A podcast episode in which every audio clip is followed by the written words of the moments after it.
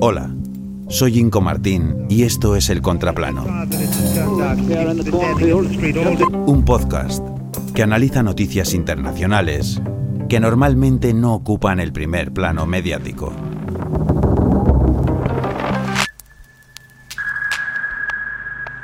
De Santis versus Disney.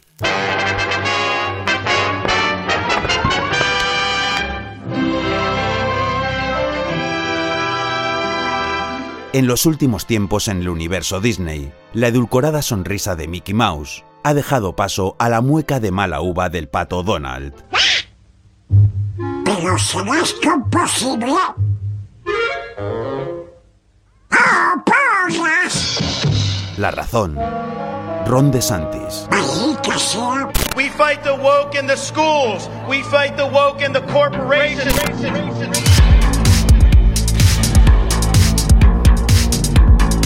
El hombre que aspira a destronar a Trump en el apasionante reino republicano USA tal vez no sea tan estridente como Trump, pero fijándose un poco en su recorrido como gobernador de Florida desde el 2019, en el fondo no es tan diferente a Donald, Donald Trump, y de ahí que haya sido bautizado por sus fieles como el Trump con cerebro.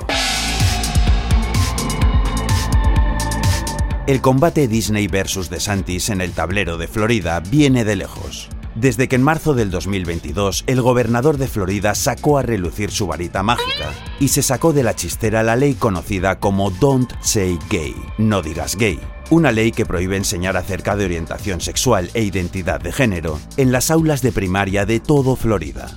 Una ley que causó gran controversia, en especial entre los colectivos LGTBQ, y que no hace otra cosa que arrinconar aún más a todos esos niños y niñas cuya orientación o identidad sexual no sea la mainstream conservadora. Manzanas con manzanas. Disney, al igual que Blancanieves, su princesa franquicia, bien por ética, por lavado de imagen o por interés económico, mordió la manzana, no aceptó la ley y prometió luchar contra ella, además de dejar de hacer donaciones políticas en Florida después de haberlo hecho durante décadas, precisamente con los republicanos como principales beneficiarios. Como saben, la manzana estaba envenenada y Ron DeSantis declaró la guerra a Disney. Han cruzado la línea. Misión: Demoler el castillo de Cinderella. derruir el estatus de distrito especial de Disney en Florida, el cual le permite operar como gobierno independiente en sus terrenos, un estatus con el que cuenta desde el año 1968 y que le ha permitido crecer a sus anchas hasta tener seis parques temáticos, un centro deportivo, un megacentro comercial, 25 hoteles, cuerpos de policía y bomberos propios y dar trabajo a 80.000 personas. Lucrativo para ellos y para Florida. El, el reino de la fantasía.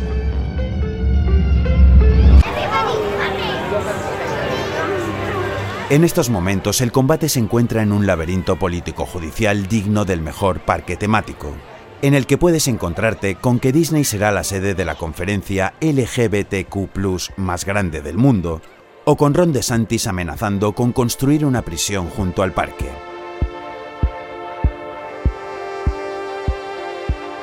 Tal vez este sea un buen momento para ver Florida Project, esa película de Sim Baker, en la que una niña sin hogar y su madre viven en un motel junto a Disney World. Una buena forma de salir de tanto reino de populismo y fantasía y tocar suelo. Como dice la niña protagonista, al final del arco iris, hay lloro.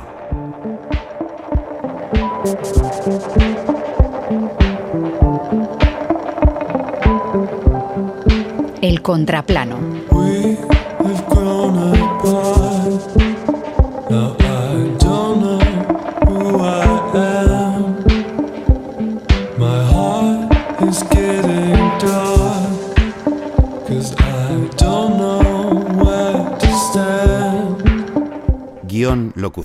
Y diseño sonoro, Inco Martín. Música, Trente Moller. Still on Fire.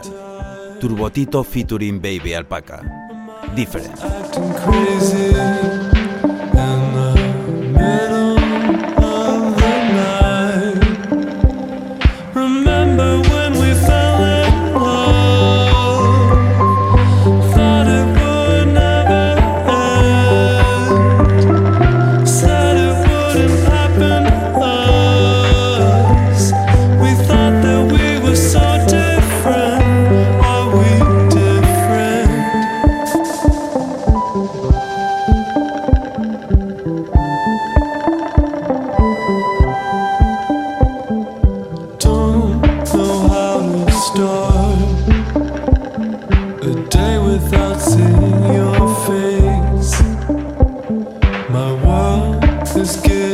dark, cause you can never.